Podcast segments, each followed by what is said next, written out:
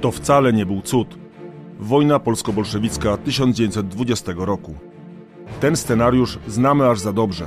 Armia Czerwona stoi nad Wisłą, nieco dalej na wschodzie tworzy się marionetkowy rząd złożony z polskich komunistów, na ziemiach polskich rozpoczyna się czerwony terror, a światowe mocarstwa pozostają praktycznie obojętne. Jedynie cud może uratować Polskę. Polskę, która dopiero zaczyna po ponad 120 latach odbudowywać swoje państwo. I cud się zdarza. Cud nad Wisłą. Tyle tylko, że bitwa o Warszawę cudem jest głównie z nazwy, nadanej post factum nie oddającej rzeczywistych powodów zwycięstwa. A rzeczywiste powody to potężna armia, odważny, wykonany perfekcyjnie plan, bohaterstwo żołnierzy obrońców, a także strategiczne błędy zadufanego w sobie przeciwnika. Bitwa Warszawska. W historii Polski niewiele tak wielkich triumfów, niewiele też bitew tak ważnych dla losów naszego kraju, a zarazem, zapewne, dla całego ówczesnego świata. Nie tylko bowiem byt młodej Polski wisiał na włosku, bolszewickie macki sięgały dalej. Pogrążone w chaosie powojennej klęsce państwo niemieckie cały czas balansowało na krawędzi rewolucji. Ba, nawet gdzie niegdzie one wybuchały. Sowieckie bagnety u granic Niemiec mogły zmienić tam bieg historii, a według Lenina i spółki rewolucja miała rozdać się znacznie szerzej. W Moskwie poważnie myślano już o Węgrzech, a nawet Włoszech. Tyle, że trzy sierpniowe dni zmieniły siejącego postrach sowieckiego niedźwiedzia w panicznie uciekające zwierzę, uciekające hen za Niemen, a później zepchnięte nawet jeszcze dalej na wschód. Łukasz Starowiejski, zapraszam na kolejny odcinek podcastu Muzeum Historii Polski Tysiąc lat prześwietlenie. Tym razem historyczny rentgen skierujemy na wojnę bolszewicką 1920 roku. Część pierwsza. Przygrywka, czyli czerwony cień. Do dziś historycy skaczą sobie do oczu, spierając się o oficjalną datę wybuchu tej wojny. I spór zapewne nigdy się nie skończy, bo jednej daty nie ma, a nikt nikomu wojny nie wypowiedział. Do pierwszych starć regularnych, choć małych oddziałów dochodzi w połowie lutego 1919 roku. 17 lutego sztab generalny informuje, że oddział pod dowództwem pułkownika Sandeckiego stoczył zwycięską bitwę z wojskami bolszewickimi. Norman Davis cofa wybuch wojny o trzy dni, kiedy to rozgrywa się potyczka przy zajmowaniu przez Polaków Berezy Kartuskiej. Być może rację mają ci, którzy mówią o 3 stycznia, gdy Armia Czerwona uderza na Wilno. Kilka dni przed walkami samoobrona wileńska zostaje rozkazem Piłsudskiego włączona w szeregi Wojska Polskiego. Ale zatrzymajmy się na chwilę. Skąd w ogóle to wojsko polskie na północnym wschodzie? Przecież jeszcze w październiku 1918 roku w kongresówce polskie siły zbrojne liczyły zaledwie około 5 tysięcy żołnierzy. Dla polskich elit tworzenie wojska to był absolutny priorytet. Prace ruszyły z kopyta. Na początku roku armia liczyła już ponad 100 tysięcy, a na wiosnę nawet dwukrotnie więcej. Na tym jednak nie poprzestano i na przełomie XIX i XX roku po scaleniu wszystkich oddziałów armia rozrosła się do 600 tysięcy żołnierzy. Wydatki na ten cel pochłonęły ponad połowę budżetu młodego kraju. Żołnierzy właściwie nie brakowało. W pierwszych miesiącach zgłosiło się mnóstwo ochotników. Później zarządzone zostały pobory. Oficerów trzeba było szukać wśród armii zaborczych, głównie rosyjskich i austriackich. Napływ wojskowych z różnych zaborów generował kolejne problemy, na przykład językowe. Prawie nigdy nie mogliśmy się zrozumieć. Pisał generał Lucjan Żeligowski. Do tego wojsko powstawało w biegu. Dowództwo było zmuszone na prędce formować jednostki, mimo braków wyćwiczenia, wyekwipowania i umundurowania, nawet z niedostateczną bielizną, posyłać na front. Pisano w jednym z meldunków. Pośpiech powodował też braki w wyszkoleniu. W wielu wspomnieniach czytamy, że młodzi rekruci dopiero na froncie zaczęli się uczyć strzelać. Z takim wojskiem, wzmocnionym co prawda powstałą we Francji świetnie wyposażoną armią generała Hallera, Polska ruszyła na wojnę. A właściwie wojny. Historyk Norman Davis pisał, że w tych latach Polacy walczyli w sześciu zbrojnych zmaganiach. W 1919, pierwszym roku, w który Polska wchodziła niepodległa, nasz kraj nie posiadał ani jednej ustalonej granicy, a na wschodzie karty nie tylko nie były rozdane, ale nawet nie potasowane. Węzeł gordyjski. To określenie Jakula pasuje do sytuacji na wschodnich rubieżach. Polska i Rosja to nie jedyni gracze. Wielkie aspiracje mają Ukraińcy, którzy tworzą aż dwa państwa, wschodnie i zachodnie. Swoje narodowe ambicje mają też Litwini i Łotysze. Co więcej, na tych terenach cały czas przebywa niemiecka armia, która nie do końca jest bierna. Zresztą pytanie, jaka Rosja? Czerwona, rewolucyjna, czy może biała, nawiązująca do carskiej? Wojna domowa trwa tam w najlepsze i nic jeszcze nie jest przesądzone. Józef Piłsudski tylko zaciera ręce. Polska wbrew naciskom ententy, by wesprzeć przeciwników rewolucji, pozostaje neutralna. Zarówno bolszewikom, jak i Denikinowi jedno jest do powiedzenia. Jesteśmy potęgą, a wyście trupy. Mówiąc inaczej, językiem żołnierskim. Dławcie się, bijcie się. Nic mnie to nie obchodzi, o ile interesy Polski nie są zahaczone. A jeśli gdzie zahaczycie je, będę bił. Jeśli gdziekolwiek i kiedykolwiek was nie bije, to nie dlatego, że wy nie chcecie, ale dlatego, że ja nie chcę. Lekceważę, pogardzam wami. Wroga neutralność jest zrozumiała. Dowódcy białych w sprawie państwa polskiego niczego nie obiecują. Większość rosyjskiego zaboru traktują jak swoje ziemie, a Polskę gotowi są uznać ledwie w granicach kongresówki. Czerwoni w chwili zagrożenia skłonni są obiecać wszystko, nawet całą Białoruś i Litwę. W sumie wychodzi na jedno. Konfrontacji z Rosjanami uniknąć się nie da. Tym bardziej, że bolszewicy, mimo wojny domowej, nie zapominają o zachodnich rubieżach. Sowiecka Armia Zachodnia powstaje już pod koniec 1918 roku. Początkowo liczy zaledwie 10 tysięcy żołnierzy, by wkrótce wzrosnąć pięciokrotnie. To wystarczy, by podążyć ślad w ślad za wycofującymi się okupacyjnymi wojskami niemieckimi i zajmować kolejne tereny Litwy i Białorusi. W grudniu w rękach czerwonych jest Mińsk, w styczniu Wilno. Bolszewicy nie zamierzają się zatrzymywać. Cel Wisła brzmi złowrogo, a to kryptonim bolszewickiej operacji. Gotowy jest też zalążek robotniczej władzy, Rada Rewolucyjno-Wojskowa Polski. W lutym na zajętych terenach Litwy i Białorusi powstaje Litewsko-Białoruska Socjalistyczna Republika Sowiecka. Czerwony cień nachodzi nad Polskę. I nie tylko nad nią. Sowieci chcą jak najszybciej dotrzeć do granic Prus Wschodnich, by wesprzeć rewolucję, która wybuchła w Niemczech. Chcą też wspomóc komunistyczną rewoltę na Węgrzech. Odradzająca się Polska stoi bolszewikom na drodze. Czy dalekosiężne plany bolszewickie były realne? To pytanie do historyka Mikołaja Morzyckiego z Muzeum Historii Polski.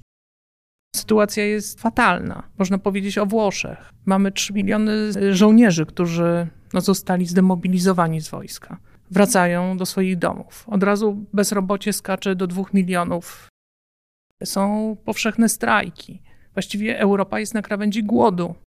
Chłopi strajkują, robotnicy strajkują. To samo mamy w Niemczech, to samo mamy w, na Węgrzech.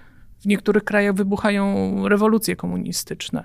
Czy to mamy e, Bawarską Republikę Rad, czy Węgierską Republikę Ludową. To się po prostu dzieje. Właściwie nawet Francję obejmują protesty robotnicze, protesty chłopów. Naprawdę ludzie są przygotowani i gotowi na wszystko. A że nie wiedzą jeszcze, czym jest komunizm, to te odgłosy, które dobiegają z Rosji Sowieckiej, są dla nich bardzo kuszące. I dlatego rządy robią wszystko, żeby to wrzenie rewolucyjne za wszelką cenę zdusić. Czy to obietnicami, czy po prostu brutalną siłą. Gdyby Rosjanie przedarli się przez Polskę i dotarli do Niemiec, wtargnęli na tereny Niemiec, to na pewno wybuchłaby tam rewolucja. Znaleźliby ludzi gotowych sięgnąć po broń i wesprzeć Armię Czerwoną. Na pewno byłaby ich mniejszość, ale czy taką mniejszością nie byli bolszewicy, których było naprawdę niezbyt wielu, ale ich zdecydowanie brutalność i bezwzględne dążenie do celu doprowadziły do tego, do czego doprowadziły.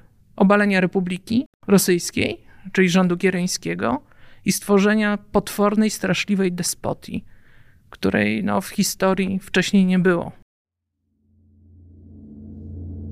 Część druga. Gra wojną, gra pokojem. Linia wojennego frontu jest monstrualna. Na północy dochodzi do granic Łotwy, ciągnie się następnie przez tereny Białorusi i Galicji, sięga pod Kamieniec Podolski czy Chocim. To niemal tysiąc kilometrów. Polskie bagna, usytuowane mniej więcej w części centralnej, tworzą naturalny podział na dwie wojenne areny. Północną, w której osią sporu są Wilno i Mińsk, i południową, obejmującą walki o Kijów i przyszły kształt Ukrainy. Walki na obu frontach odbywają się niemal równocześnie. By ruszyć na wojnę z Armią Czerwoną, musiał najpierw Piłsudski porozumieć się z Niemcami w sprawie ewakuacji ich wojsk. Trochę to trwało, ale wreszcie 5 lutego Niemcy zgodzili się przepuścić 10 tysięcy Polaków by ci mogli utworzyć front przeciw Sowietom. Wojsko polskie szybko dociera nad Niemen. Polakom sytuacja sprzyja. Duża część sił sowieckich przekierowana została na front walki z białymi. Do pierwszych starć, jak już wspomniano, dochodzi w połowie lutego. W marcu polska armia zajmuje Pińsk i dociera pod Lidę. To jednak tylko przygrywka. Ofensywa. To słowo na przedwiośniu 1919 roku pada coraz częściej. Pytanie, gdzie uderzyć? Na północ, by sięgnąć powinno, czy na południe, gdzie wrze jak w kotle? Polacy z Ukraińcami walczą o Lwów, bolszewicy w lutym zajmują Kijów. Wielu dowódców chce ataku w Galicji Wschodniej. Piłsudski decyduje inaczej. To był rajd godny najpiękniejszych tradycji polskiej jazdy. Liczby są następujące. 800 kawalerzystów, 100 km, 3 dni. Tak wygląda plan ataku na Wilno. Jazdę jak najszybciej ma wesprzeć piechota. Szarża zaskakuje bolszewików, piechota przechodzi w sukurs i po dwóch kwietniowych dniach Wilno jest w polskich rękach. Na to tylko czeka Piłsudski. Walki zamierają po południu, a już wieczorem pociąg z naczelnikiem staje na miejscowym dworcu. To chwila triumfu. Naczelny wódz przybył. Jedziemy konno od dworca pod ostrą bramę do miasta. Tłumy śmiejące się, płaczące, rzucające kwiaty, dzieci wbiegające między konie, które denerwują się i ślizgają na nierównym bruku. Opisuje wydarzenia generał Edward Rydz-Śmigły. Polska ofensywa realizuje wszystkie cele. Zdobyte zostają też m.in. Lida i Nowogródek. Sowieci próbują kontratakować, ale zostają odparci. Nikt nie ma jednak wątpliwości, że to nie koniec, lecz zaledwie początek wielkich zmagań. Pisze Piłsudski w rozkazie z 28 kwietnia. Żołnierze, w niespełna dwa tygodnie męstwem swym i dzielnością zmieniliście stosunki na wschodzie Polski. Wojna jeszcze nie skończona. Czekają nas nowe prace, nowe trudy.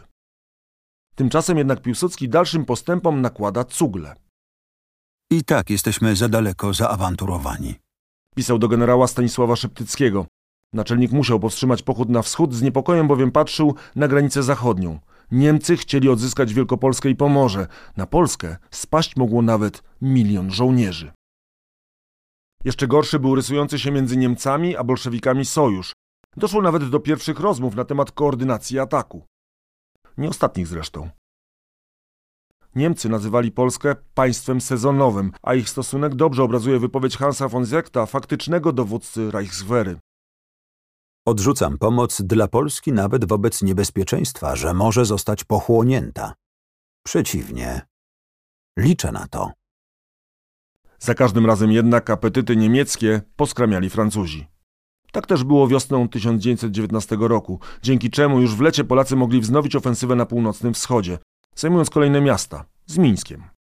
Zimą działania wojenne zamarły. Jedynym odstępstwem było styczniowe zdobycie wraz z armią łotewską Dynenburga. I to mógł być koniec wojny. Przynajmniej tak wynikało z deklaracji niektórych polityków. Komu do wojny było niespieszno? I kto tu kogo chciał bić? Gdy milkną karabiny, znacznie lepiej słychać głosy dyplomatów. Nie inaczej było tej zimy. Do zawarcia pokoju parli przede wszystkim Sowieci. Pierwsza pokojowa propozycja pojawiła się w styczniu, kolejna w marcu.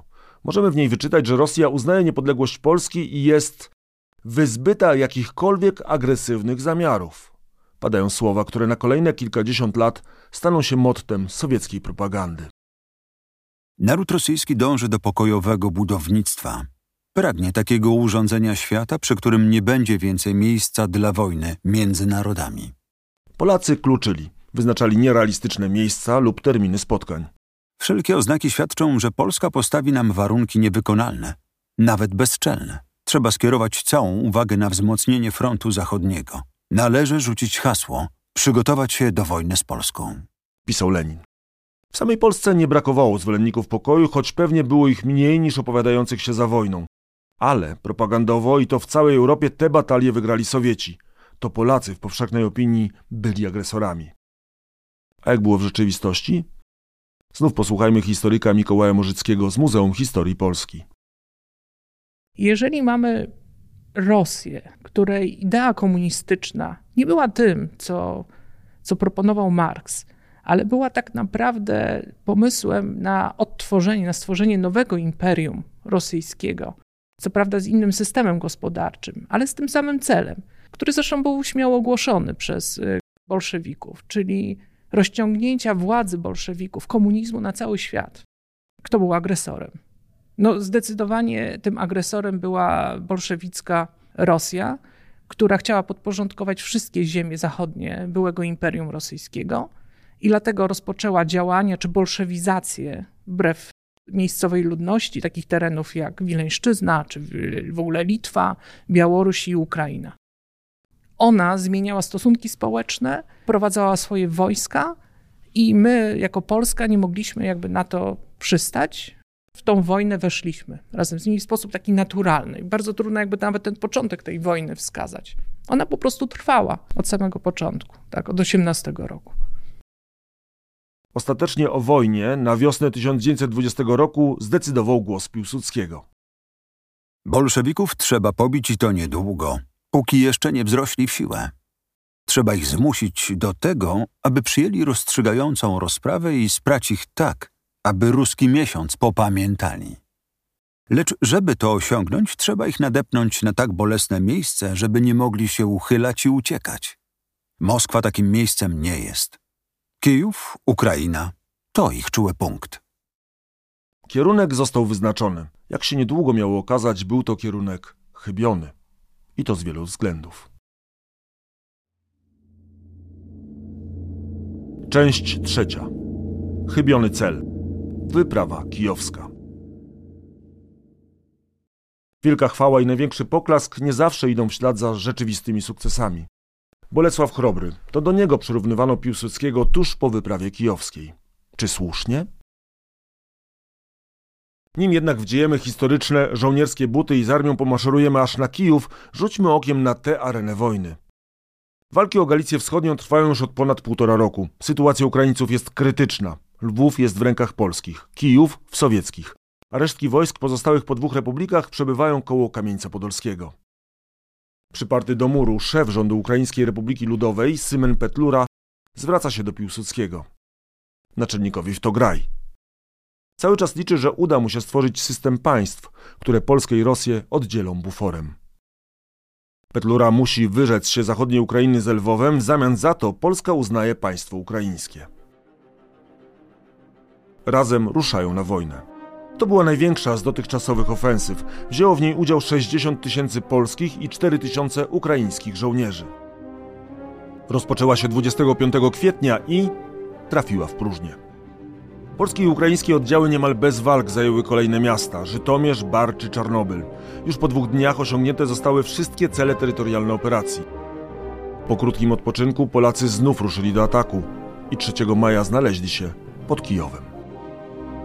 Armia Czerwona nie podejmuje walki, tylko się cofa i cofa. Atak na miasto rozpoczął się od rajdu tramwajem. Tak, tak, tramwajem. 5 maja polski patrol wjechał do centrum miasta, wziął jeńca i bezpiecznie powrócił. Dwa dni później Kijów był opanowany. Ale do decydującej bitwy, o której marzył marszałek, doprowadzić się nie udało. A koło fortuny zaczęło się toczyć w drugą stronę. Wstrzymajmy jego obrót, by pozwolić na powrót Piłsudskiego do stolicy. Było to zjawisko nie do uwierzenia, jak go witała stolica. To było tak, jakby mogło być w Grecji albo w Rzymie. Pisała w dzienniku Maria Dąbrowska. A marszałek Sejmu Wojciech Trąbczyński mówił: Sejm cały przez usta moje witacie wodzu naczelny, wracającego ze szlaku Bolesława Chrobrego. Od czasów Kirchholmu i Chocimia naród polski takich triumfów oręża swego nie przeżywał. Niewielu w Warszawie zachowało trzeźwość umysłu. Wśród nich mało znany jeszcze wówczas francuski wojskowy doradca, Charles de Gaulle. Opuściłem Warszawę pijaną triumfem. Naród stracił poczucie rzeczywistości. Bo Piłsudski, wbrew powszechnej opinii, nie tylko nie osiągnął sukcesu, lecz przeciwnie, ściągnął na Polskę posępne czarne chmury zwiastujące największą burzę tych lat. W skrócie można powiedzieć, że przestrzelił. Armii bolszewickiej nie rozbił, państwa ukraińskiego nie stworzył, co gorsza, miał obudzić sowieckiego niedźwiedzia, a do tego dać mu do ręki propagandowe argumenty. Jeden z sowieckich przywódców określił ofensywę jako korzystną dla nas, inny mówił, że Polska wpadła w pułapkę. To Polacy stali się agresorami. To zdanie, podobnie jak o tym, kto chciał pokoju, można było podsunąć zarówno rządom Zachodu, jak i własnym poddanym. Wystarczy posłuchać jednego z wodzów rewolucji, Lwa Trockiego. Pragnęliśmy uniknąć tej wojny za wszelką cenę. Myśmy szczerze pragnęli pokoju. Piłsudski narzucił nam wojnę. Zajęcie Kijowa, pozbawione samo przez się wszelkiego sensu wojskowego, wyświadczyło nam wielką przysługę. Kraj ocknął się. Znów objeżdżałem armię i miasta, mobilizując ludzi i środki. Jak pisze profesor Andrzej Chwalba w książce Przegrane zwycięstwo wojna polsko-bolszewicka, rzeczywiście, atak wojsk polskich na Ukrainę i zajęcie Kijowa wywołały gniew i oburzenie wśród Rosjan. Uważano ją bowiem za ziemię rosyjską, a Kijów za jedno z najważniejszych miast Rosji, kolebkę jej państwowości. Zaczęła się kolejna wojna ojczyźniana, co zdecydowanie ułatwiło mobilizację do Armii Czerwonej. W Moskwie przywódcy bolszewicy powołali Radę Bezpieczeństwa Wojskowego z udziałem carskich generałów. Czy rzeczywiście wyprawa kijowska to niewybaczalny błąd Piłsudskiego? O tym znów historyk Mikołaj Morzycki. Wyprawa kijowska nie była błędem. Nie była błędem, choć opierała się na błędnych informacjach, e, jakie sztab polski i polscy politycy otrzymywali od strony ukraińskiej. Kusząca wizja, jaką Semen Petlura, przywódca tej, nazwijmy to, narodowej Ukrainy, roztaczał przed Józefem Piłsudskim, w dwóch słowach wyglądała tak, że wystarczy zainstalować rząd Semena Petlury w Kijowie, a on zostanie powszechnie uznany przez e, społeczeństwo ukraińskie i wtedy powstanie przyjazna Polsce e, Ukraina. Kroczenie Polaków i Ukraińców do Kijowa i sytuacja, jaką tam zastajemy, jakby natychmiast zmienia myślenie Polaków o tym wszystkim. I nastroje Ukraińców są zupełnie inne. Oni chcą po prostu spokoju. I cała ta historia z Petlurą okazuje się no, niewypałem. Jeszcze raz wracając do tego pytania, czy wyprawa kijowska była błędem? Nie, nie była błędem na pewno nie świetle e, informacji, jakie miało wtedy polskie dowództwo i polscy politycy, trzeba było spróbować. A bolszewicy do działań ofensywnych przeszli już w maju. W czerwcu Kijów znowu był w ich rękach. Nadciągała prawdziwa burza. Część czwarta. Na Warszawę. Mylił się Piłsudski w jeszcze jednym. Wbrew jego przypuszczeniom, bolszewicy główne uderzenie wyprowadzili nie od południa, lecz północy. Na jego czele stanął czerwony Napoleon, Michał Tuchaczewski. Demon wojny domowej, jak go nazywał Józef Stalin, miał ledwie 27 lat i za sobą oszałamiającą karierę w Armii Czerwonej. Czerwony Niedźwiedź uderzył na początku maja siłą 70 tysięcy żołnierzy. Tuchaczewski zaatakował na szerokości około 60 km i stosunkowo łatwo przebił się przez pierwsze linie obrony. Polacy skontrowali, a w czerwcu front północny zamarł. Zupełnie jakby to był teatr, a widz mógł przenieść wzrok na południową część sceny. Tu atak przypuściła słynna armia konna Budynnego. Dwa miesiące zajęło jej przeprawienie się z Kaukazu, a wyprzedziła ją legenda wojska skutecznego, dzikiego, okrutnego i bezwzględnego. Czynnik psychologiczny był być może najważniejszy. Piechota nasza niewyćwiczona w sposobach walki z kawalerią, steroryzowana przez kawalerię nieprzyjaciela. Szczególnie oficerowie wiedzą, że z rąk kawalerii czeka ich śmierć w mękach. Przy spotkaniu się z kawalerią tracą siłę i szukają ratunku w ucieczce, która zawsze powoduje klęskę. Pisał jeden z pułkowników. Konarmia szybko potwierdziła swoją legendę. Po zdobyciu Żytomierza wycięła całą załogę, a w Berdyczowie spaliła szpital z 600 rannymi. Nie patrzyłem im w twarze. Przebijali jeńców pałaszami, dostrzeliwali trupy na trupach. Jednego jeszcze obdzierają, drugiego dobijają. Jęki, krzyki, charkot, piekło. Jakąż to wolność przynosimy? Okropieństwo. Pisał w dzienniku komisarz polityczny, a później znany pisarz Izaak Babel. Za tę relację Budionny oskarżył go o grzebanie w śmieciach na placyku od podwórza jego armii. Polska armia była w odwrocie. Cofnęła się o ponad 200 kilometrów. Próby kontrataków nie powiodły się, ale nie dała się też rozbić. Na czerwonych wywierała presję. Przypierają nas gady. Zwyciężymy albo pozdychamy. Raportował Budionny, dodając, że jego żołnierze są już zmęczeni, a brakuje żywności i paszy. Obie armie potrzebowały czasu, by wylizać rany. Ale w tej sztuce nie ma miejsca na antrakty. Gdy zamiera południe, znów czas przenieść wzrok na północ. Dajosz Warszawu. Dawaj Warszawę. Te dwa złowieszcze słowa malowane na ścianach domów czy na wagonach wskazywały bez ogródek cel uderzenia, a żołnierzom odczytano odezwę. Żołnierze Armii Czerwonej. Nadszedł dzień sądu. We krwi pokonanej polskiej armii utopimy przestępczy rząd Piłsudskiego. Zwróćcie swe oczy na zachód. Na drodze do światowej pożogi leży trup białej Polski. Na naszych bagnetach przyniesiemy szczęście i pokój masom pracującym całej ludzkości. Armia Czerwona miała teraz zdecydowaną przewagę. W sumie 120 tysięcy żołnierzy. Polaków na froncie północnym było mniej więcej dwa razy mniej. Już pierwszego dnia przełamane zostały dwie linie polskiej obrony. Polacy rozpoczęli odwrót. Co gorsza, nieskoordynowany, bo polskie armie zostały rozbite na drobniejsze grupy. Ujawniliśmy zupełny brak planu strategicznego. Komentował sytuację generał Żeligowski, a Piłsudski przyznał po latach. Wszystko zaczęło się sypać. Łamało się państwo, chwiały się charaktery, miękły serca żołnierzy, powódź trwogi, bezładu i bezsilności. Armia polska, jak zauważył brytyjski dyplomata, była zniechęcona i wyglądała na niezdolną do poważnej kontrakcji. Przykład szedł z góry. Idzie z góry od niektórych dowódców fala depresji, defetyzmu. Zanotował 16 lipca jeden z oficerów.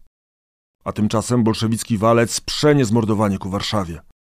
Nim jednak dotrze na przedpola stolicy Polski, opuśćmy na chwilę teatr wojenny i przenieśmy wzrok na zupełnie inną scenę.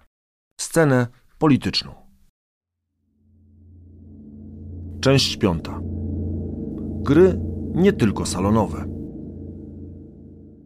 Naszą wędrówkę, która zaprowadzi nas do belgijskiego kurortu i małopolskiej wsi, zacznijmy od mazowieckiego probostwa. 15 sierpnia dotarli do niego przedstawiciele Tymczasowego Komitetu Rewolucyjnego Polski. Od proboszcza zażądali czterech pokoi. Tam czekali na upadek Warszawy. Tyle, że się nie doczekali. A już kolejnego dnia czmychnęli. Tak opisał to w wojennym reportażu słynny pisarz Stefan Żeromski. Na odgłos strzałów rozlegających się za Bugiem dr Julian Marchlewski, jego kolega Felix Dzierżyński, pomazany od stóp do głów krwią ludzką i szanowny weteran socjalizmu Felix Kohn dali drapaka z Wyszkowa. Pozostał po nich tylko wielki swąd spalonej benzyny, trochę cukru oraz wspomnienie dyskursów prowadzonych przy stole i pod jabłoniami cienistego sadu. Owa sowiecka namiastka rządu utworzona została pod koniec lipca w Smoleńsku. Komitet przemieszczał się pociągiem pancernym tuż za linią frontu. Wszędzie wprowadzał rewolucyjny terror, z aresztowaniami i rozstrzeliwaniami. Na początku sierpnia wydał mrożącą krew w żyłach dyrektywę. Wszystkich ważniejszych przedstawicieli burżuazji i ziemiaństwa, wszystkich znacznych współpracowników Białopolaków aresztować i wysłać do obozów koncentracyjnych, przesyłając ich dane i dokładne liczby. Tym razem ów ludowy rząd okazał się tylko niezbyt ważnym epizodem patrząc z perspektywy kolejnego ćwierćwiecza, był jednocześnie złowieszczym zwiastunem. Czas przenieść się do prawdziwie polskich gabinetów. Pod koniec czerwca doszło do dymisji rządu. Nowym premierem został Władysław Grabski. Misja tego uznanego endeckiego ekonomisty trwała jednak ledwie miesiąc i zakończyła się spektakularną klapą. Po wyjeździe do spa. Tak, tak, do spa. Znanego belgijskiego uzdrowiska. Sytuacja Polski była wówczas dramatyczna. Ze wschodu parła Armia Czerwona. Na północy Niemcy wygrywali plebiscyty na Warmii i Mazurach, a ich generałowie przebierali nogami, by z armią wkroczyć na Pomorze czy Wielkopolskę. Transporty broni nie dochodziły. Blokowali je Niemcy i Czesi, ale też robotnicy portowi w Anglii i w Gdańsku. Poza tym Polska miała złą prasę. Sowieci wszemi wobec ogłaszali ją agresorem. Niewiele miał argumentów Grabski, wyruszając na konferencję do Belgii, zresztą wbrew Piłsudskiemu, który trzeźwo oceniał, że ugrać się nic nie da, a stracić można sporo. I rzeczywiście, to co zaproponowali alianci było jak siarczysty policzek. W zamian za wątpliwą pomoc zażądali przekazania Litwie Wilna, Czechosłowacji Śląska Cieszyńskiego, domagali się też uznania tzw. Tak linii Curzona, czyli wyrysowanej przez Anglików granicy wschodniej opartej o środkowy bieg rzeki Bóg. Krabski się poddał i na upokarzające warunki zgodził. Ale Sowieci już nie. Chcą nam wydrzeć zwycięstwo z rąk za pomocą oszukańczych obietnic, pisał Lenin w telegramie do Stalina. Bolszewicy dawno już zapomnieli o pokojowych propozycjach z zimy. W sowieckiej Rosji był to czas euforii i wielkich planów. Pisał Lenin. Trzeba by jak najszybciej pobudzić rewolucję we Włoszech. Według mnie trzeba w tym celu sowietyzować Węgry, a może także Czechy i Rumunię. A wtórował mu Stalin. Krótko mówiąc, trzeba podnieść kotwicę i ruszyć w drogę, dopóki imperializm nie zdążył jeszcze naprawić swojej rozwalającej się fury. W Warszawie, o ile jeszcze nie zabrano się do naprawy fury, to na pewno zmieniono szofera. Grabski podał się do dymisji. Przyszedł czas na rząd obrony narodowej. Witos, od wielu lat jeden z najważniejszych polityków ludowych, miał za zadanie podniesienie morale społeczeństwa, a także rozmowy pokojowe z bolszewikami. Kilkukrotnie wyjechał na front, ale najważniejszą jego decyzją okazał się brak decyzji. Wojenne klęski szybko obaliły Piłsudskiego z piedestału. Już nikt nie porównywał go do chrobrego, żądano wręcz od niego dymisji. Zewsząd dobiegały słowa o dyletantyzmie wodza. Sam Piłsudski był na krawędzi załamania nerwowego. Piłsudski stracił pod wpływem klęsk głowę. Opanowała go depresja, bezradność. Powtarzał, że wszystkiemu jest winien upadek moralu w wojsku. Zdenerwowanie dochodziło u Piłsudskiego do ostatnich granic. Nadrabiał biciem pięścią w stół, krzykiem, trywialnością. Wspominał ludowiec Maciej Rataj. 12 sierpnia Piłsudski złożył na ręce Witosa dymisję z funkcji naczelnika państwa i naczelnego wodza. Premier dymisji nie przyjął, a sprawy nie nagłośnił. Uznał, że to nie czas na zmiany. Część szósta. Wielka bitwa. Nim wraz z żołnierzami nabijemy karabiny, rozprawmy się z mitem. Cud nad Wisłą. Taka nazwa przylgnęła do tej bitwy. Ale czy był to rzeczywiście cud? Pierwsza o nadprzyrodzonej naturze zwycięstwa już 14 sierpnia napisała Rzeczpospolita w tekście O cud Wisły. Zresztą wówczas istotnie mogło się wydawać, że to jedyny ratunek. Ale post factum słowa cud zaczęli używać polityczni przeciwnicy marszałka, którym nie w smak było gloryfikowanie zasług Piłsudskiego. Do cudu dopasowano kalendarz. 15 sierpnia, który tradycyjnie jest dniem obchodów rocznicy zwycięstwa, nie był ani początkiem, ani końcem bitwy. Za to jest świętem kościelnym w niebowzięcia Najświętszej Maryi Panny, Królowej Polski. Cokolwiek mówić czy pisać się będzie o bitwie pod Warszawą, wiara powszechna nazwie ją cudem nad Wisłą. Mówił mi kapłan pracujący w szpitalu wojskowym, że żołnierze rosyjscy zapewniali go i opisywali, jak pod Warszawą widzieli Najświętszą Pannę okrywającą swym płaszczem Polski stolicę. Mówił w kazaniu jeden z biskupów. A Jerzy Kossak zwizualizował mit, malując słynny obraz, na którym walczących wspiera Matka Boska, z nieba szarżuje też husaria. Najlepszym podsumowaniem będzie stwierdzenie francuskiego generała Maksima Weiganda. Jak mówią nasze stare przysłowia, pomagaj sobie, a niebo ci dopomoże. Ale też i Polska cudownie sobie pomogła. Zatem czy słusznie rolę Piłsudskiego próbowano pomniejszać? Rozkaz numer 8358 łamane na 3 z 6 sierpnia 1920 roku. To on zmienił oblicze tej wojny. Zawierał plan kontrnatarcia z nad rzeki Wieprz. Do dziś nie ma pewności, kto ten plan wymyślił. Piłsudski, a może szef sztabu generał Tadeusz Rozwadowski, albo główny francuski doradca Weigand, choć ten ostatni w wywiadach się tego wypierał. Nad planem kontrofensywy pracowano w sztabach już od lipca. Wariantów było co najmniej kilka. Alianci chcieli grać na czas. Francuzi proponowali ufortyfikowanie się na linii Wisły, co zatrzymałoby linię frontu. Dopiero wówczas można będzie myśleć o działaniach ofensywnych, by odzyskać to, co jest konieczne.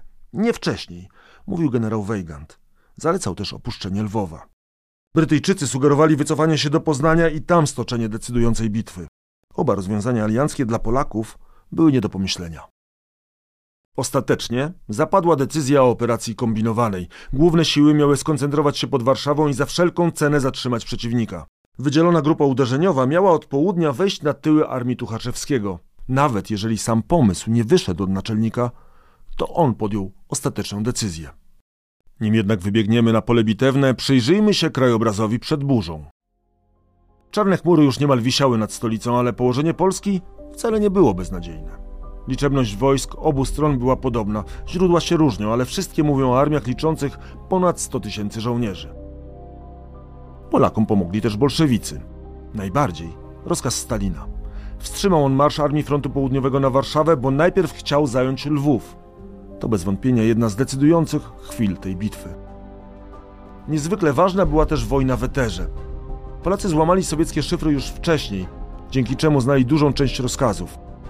W czasie samej bitwy, przejąwszy jedną z radiostacji, przez dwie doby zagłuszali sowiecką komunikację radiową. Biblia. To jej tekst. Zamiast rozkazów słyszeli bolszewiccy radiotelegrafiści.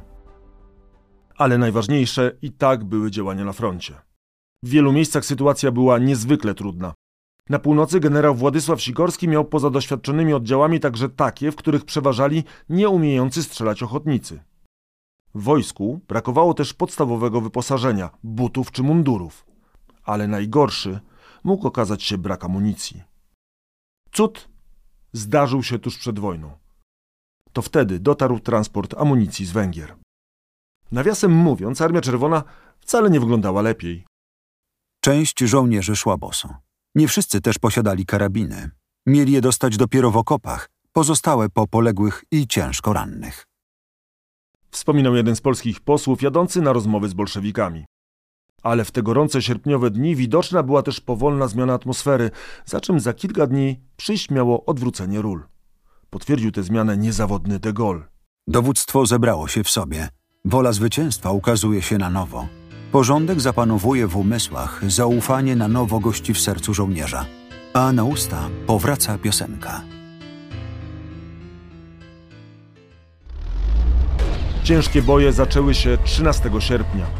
Na północnym wschodzie dwukrotnie słabsza armia generała Sikorskiego nie tylko powstrzymała natarcie, ale sama przeszła do kontruderzenia. Biała Polska umiera. Napisano w meldunku z frontu centralnego, gdzie czerwonoarmiści przełamali linię obrony i zajęli Radzymin. Bolszewicka euforia znów przyszła za wcześnie. Radzymin po krwawych walkach kilkukrotnie przechodził z rąk do rąk, by 16 sierpnia ostatecznie zostać odbity przez Polaków. Śmierć zbierała krwawe żniwo, ale ta część planu Piłsudskiego zakończyła się sukcesem. Pozostał punkt ostatni. Wyczekał cierpliwie naczelnik i uderzył dopiero czwartego dnia bitwy. Da ktoś wiarę, że znów w próżnię? Miękkiego podbrzusza armii Tuchaczewskiego broniło i to niezbyt twardo ledwie 10 tysięcy żołnierzy. Pisał Piłsudski. Gdzie więc jest szesnasta armia? Świadczyło o niej armaty zostawione bez zaprzęgów i bez obsługi w polu. Świadczyło o niej dość liczne trupy ludzi i koni obok szosy. Świadczyła wreszcie ludność, która z zachwytem opowiadała mi, zatrzymując auto, gdy mnie poznawano, że bolszewiki uciekały w bezładzie i w popłochu na wszystkie strony. Wszystkie cele zostały zrealizowane. Tuchaczewski był zszokowany, tym bardziej, że na północnym zachodzie Armia Czerwona przegrała bitwę o Nasielsk. Polski atak mógł zamienić się w okrążenie.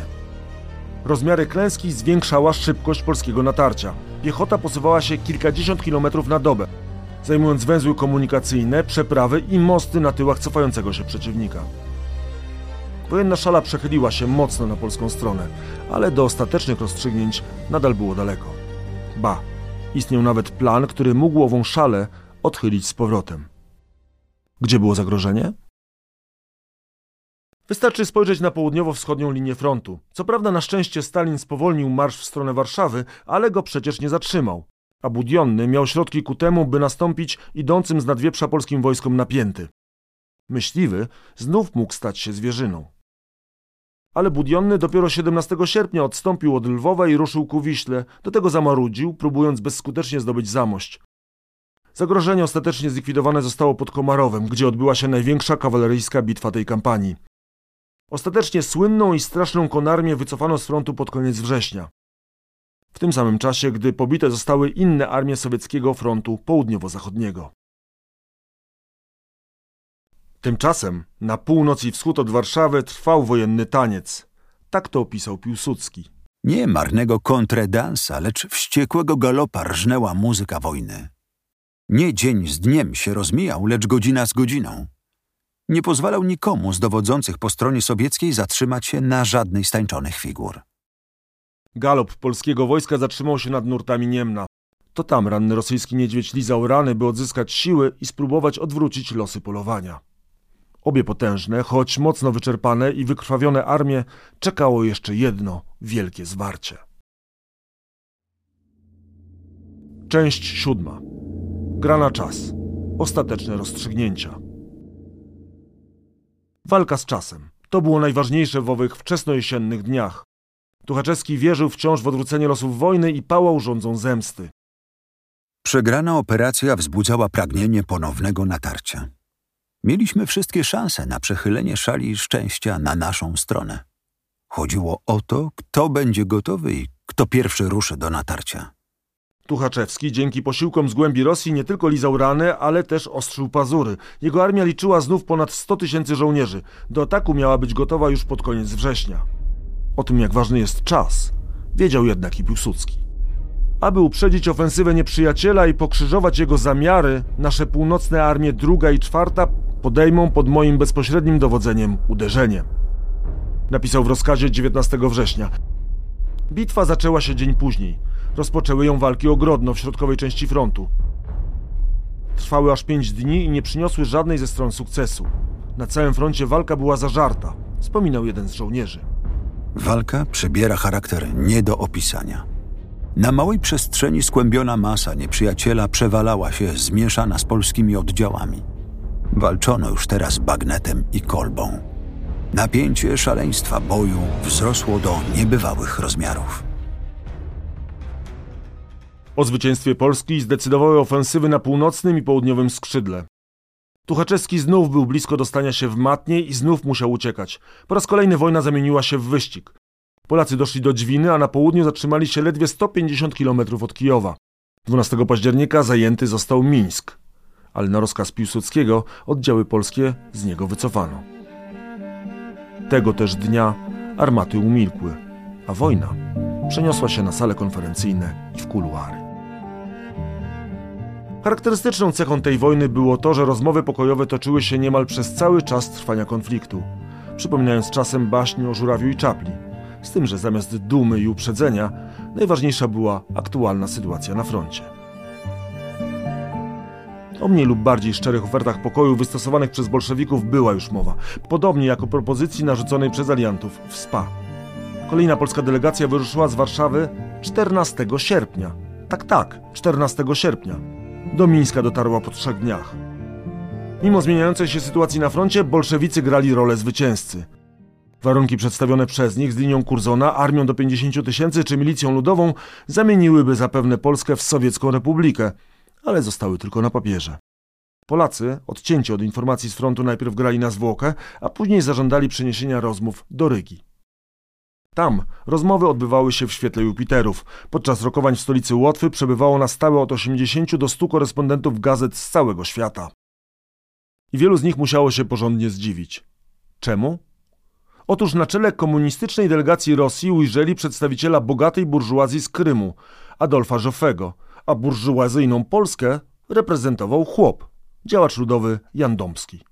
Wbrew wszelkim pozorom wcale nie wszystkie atuty były po polskiej stronie. Polska pokój musi zawrzeć, nawet bez gwarancji, że będzie trwały.